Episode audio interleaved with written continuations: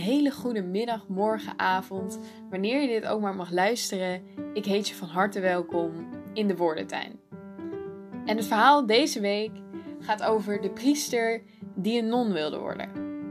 En het verhaal is niet zozeer een gelovige uiting, meer een uiting van het vinden van jezelf op een plek waar je het gevoel hebt dat het niet kan.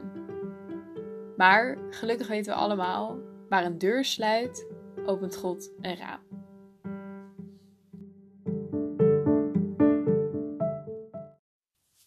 Ik open de zware deuren van het huis van God. Het ochtendlicht valt door het gekleurde raam over de gehele ruimte. Het ruikt muf, te weinig circulatie van frisse lucht. Sommige schilderijen zijn op dit tijdstip nog niet helemaal zichtbaar. Haast vreemde gezichten lijken met argwanende ogen vanaf de muur mij aan te staren, terwijl, pak een beter rond vier uur s middags, het lieflijke gezicht van Petrus tevoorschijn komt. Ik wandel langs alle banken die op een zondagochtend vol zitten met mensen, druk bladerend door boek met liederen. Met mijn vinger streel ik het koude hout, terwijl ik stapsgewijs loop naar de plek waar ik altijd sta, helemaal vooraan. Wanneer ik spreek uit de naam van de hemel, komt via het glas en lood achter mij het licht naar binnen, strijkt het langs mijn gebaat. Ik ben er, ik loop onder het rode koord door waar men niet langs mag lopen. Het boek op de tafel is nog gesloten, slechts op zondag geopend. Dan lees ik de wijze lessen voor uit verhalen van vroeger, opgeschreven door mensen die wij slechts kennen uit de verhalen die ze zelf hebben opgeschreven. Ik aarzel. Met mijn vinger nog vochtig van het ochtenddauw teken ik mijn naam op de kaft. Het vervluchtigt en verdwijnt, alsof het er nooit is geweest. Ik spring een paar keer op de stenen trap. Ik voel hoe het geen trampoline is en allerminst meeveert in mijn enkels. Ik ben hier dus nu echt. De pijn is echt. En wat als ik hier spring als iemand anders? Alsof iemand anders leeft in het lichaam waar ik nu nog in zit. Ben ik hier dan echt? Diezelfde morgen. Ik sta vroeg op en loop naar de tuin. Ik ben een tuinder. Ik verbouw het liefst bietjes, broccoli, courgettes en boontjes. Met mijn gieter in mijn hand loop ik naar de kraan die altijd lekt. Mijn vingers raken doorweekt. Ik kijk naar de motregen die langzaam neerkomt en hoe druppels groter worden in de groeven van mijn hand. In deze houding hoor ik niet mijn hart, maar mijn handen kloppen. Eenmaal vol loop ik met gebogen rug terug naar mijn koppen spinazie. Ze zijn half aangevreten door de slakken. Door de gaten heen giet ik het water met mijn gieter over de groene bladeren. Misschien toch maar overstappen op biologische verdelging? Helemaal achter in de tuin is mijn favoriete stuk: de eetbare bloemen. Oost-Indische kers, vlierbloesem en orchideeën. Ik heb nooit gedurfd boeketten bloemen voor mezelf te kopen. Dat leek me veel te vrouwelijk. Door mijn eetbare bloemen kan ik mijn huis opfleuren en het opeten als ik niet wil dat iemand het ziet. Zo langzaam in een rondeling door mijn huis aan een onverwachte vreemdeling eet ik minimaal acht verstofte bloemen van de boekenplank, de servieskast en het nachtdressoir. Vanochtend werd ik wakker in een leeg eenpersoonsbed. Ik heb vannacht gedroomd over een man en ik vraag me af of dat iets verkeerd is. Ik heb nog nooit een partner gehad, dat mocht niet van mijn baas. Ik heb me wel eens afgevraagd hoe dat is, houden van iemand. Als ik zo af en toe rondloop in de stad, zie ik mensen hand in hand lopen onder lantaarnlicht met een dikke sjaal, elkaars damp inademend. Hoe is dat om de lichamelijke warmte van iemand te voelen, iemand te strelen vanaf de onderkant van iemands opgerolde broek? Ik kijk naar mijn bloemen, mijn zwammen, mijn groenten. Ik ben tevreden zo. Ik plaats de emmer terug. Voordat ik de tuin verlaat, kijk ik naar de nonnen in de binnentuin. Ik woon in een klein klooster op een platteland met hoge muren. In onze binnentuin heeft iedereen zijn eigen taak. Ik kijk naar hoe de nonnen de schapen aan het melken zijn voor het ontbijt dat weldra zal plaatsvinden, en hoe ze onkruid wieden die de rozen in het middenstuk overwoekeren. Hoe ze in de zwarte gewaden heen en weer lopen naar de grote put in het midden van de tuin met emmers om de verschillende perkjes te beregenen. Ieder perkje heeft zo zijn eigen kleurthema en is afgezet met buxussen. Maar helemaal in de hoek staat mijn stukje tuin, waar alle geuren en kleuren door elkaar heen groeien. Typische man, zou je zeggen. Maar je zou ook denken dat als je zes vrouwen op een vierkante meter bij elkaar zet, al gauw een groot gesprek zou ontstaan.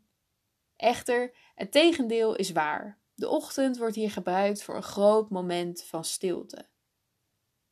Een stilte zo luid dat ik mezelf kan horen denken. Als ik wegloop, kijk ik naar hoe mijn benen de grote witte lap stof naar voren bewegen. Ik vraag me af hoe het is om een zwart gewaad te dragen. Wordt dat daadwerkelijk eerder warm in de zon? Ik loop de stenen trap omhoog. Eenmaal aangekomen in mijn kamer klop ik de aarde van mijn witte kleed. Ik stap naakt richting de badkamer en was mijn gezicht. Ik kijk in de spiegel. Op de plek waar ik lag beginnen kleine groeven zich te vormen.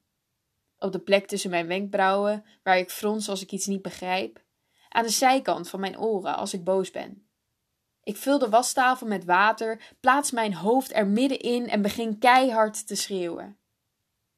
Nog steeds naakt kijk ik naar beneden. Ik vraag me af of hetgeen wat er zit er wel zou moeten zitten. Voordat ik kan nadenken heb ik mijn onderbroek al aan. Volledig in kledij stap ik naar beneden richting het ontbijt. Daar hebben de nonnen inmiddels hun stilte verbroken. En dat is te merken. Druk pratend over de boeken die ze nu aan het overschrijven zijn. Het is een oud principe waarvan men zegt dat we mee zouden moeten gaan met de tijd. Ik heb echter het gevoel dat men een boek pas echt leest als men het boek voelt, het boek schrijft met aandacht en precisie. Daarnaast moeten nonnen naast tuinieren, stilte en zich inzetten voor de maatschappij toch ook iets anders leuks te doen hebben. Afwezig kijk ik naar mijn kelk met melk en mijn bord met gort. Wat ga ik na mijn ontbijt doen? Een baby zegenen, een oudere bedienen? Af en toe lijkt mij het leven als non gemakkelijker. Dan zou ik na het ontbijt kunnen beginnen aan het overschrijven van een goed boek, s'avonds het eten klaarmaken en de volgende ochtend beginnen met tuinieren. En dan begint het hele ritueel weer opnieuw. Het ontbijt wordt opgeruimd en ik wend mij richting het grote raam. Pas als al het lawaai van de kletterende borden, soppende glazen en goor bestek weg is, durf ik mijn ogen te openen. Ik adem diep in en uit. Ik plaats mijn handen op het kozijn en buig me naar voren. Ik begin zachtjes te huilen. Plots voel ik een hand op de mijne. Je maakt het jezelf niet makkelijk, hè? De witte band op haar hoofd bedekt een groot gedeelte van haar gezichtsuitdrukking. Ik vraag me af welke kleur haar ze heeft. Zou die kleur haar mij ook staan? Zou God mij vergeven als ik niet meer wil zijn wie ik ben? vraag ik. Ze kijkt even bedenkelijk, maar zegt dan met een vernieuwde zekerheid: God weet al wie jij bent, nog voordat jij het weet. Die middag. Ik vertrek in pak richting het bedienen van een oudere. Het is een rijtjeshuis aan de rand van de stad, ongeveer een half uur van het dorp waar mijn klooster staat. Onderweg luister ik naar de radio, maar ik vergeet de weg en ik vergeet de muziek. Het enige wat ik zie zijn mijn lange wimpers in de achteruitkijkspiegel. Ik bel aan. Een jonge dochter doet open. Ik kijk direct naar de deurmat. Ik volg de lijnen van het laminaat naar het ziekenhuisbed dat midden in de woonkamer staat. Een paal met wieltjes, een aantal zakken met kleurige vloeistof, gerimpelde handen met blauwe vlekken die krampachtig de rand van het bed vasthouden. Waar heeft u spijt van? Voordat ik begin met zegenen en balsemen, vraag ik de vraag die men het liefst wegstopt, in de hoek van de kast, bedekt met stof en mottenballen. Een krakerige stem, wat gehoest, een slokje water. Ik ben nooit mezelf geweest. Alle jaren van schone schijn. De manchetknopen ver achterin het badkamerkastje verborgen. De boxershorts onderin de onderbroekenlade. Achter het suiker en de zout een klein flesje parfum. Tijdens het ramenlappen rolde ze haar staart onder een grote hoed en keek ze als de zon scheen naar haar reflectie. Had zij niet iemand anders moeten zijn? De fluitketel fluit, tijd voor een kopje thee. Ik luister met een half oor naar welke smaken thee men allemaal in huis heeft. Ik drink het liefst gewoon warm water. Mijn smaak is al jaren geleden bedorven geraakt. Nu. Ik sta helemaal vooraan in het huis van God.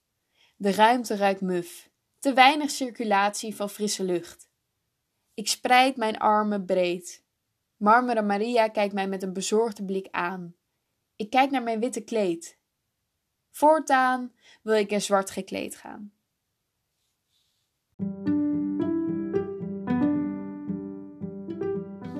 Dit was het dan. De priester die non wilde worden. Laat me weten wat je ervan vond. Je kunt me vinden op Instagram, Facebook en LinkedIn, allemaal onder de naam Sophia Jessen. Dat is S-O-P-H-I-A-J-E-S-S-U-R-U-N. En deel het ook vooral met anderen als je het gevoel hebt dat ze dit verhaal ook moeten luisteren. Daar word ik dan weer heel erg blij van. Maar voor nu, tot volgende week. Voor een nieuw verhaal, vers uit de woordentuin. Ajus!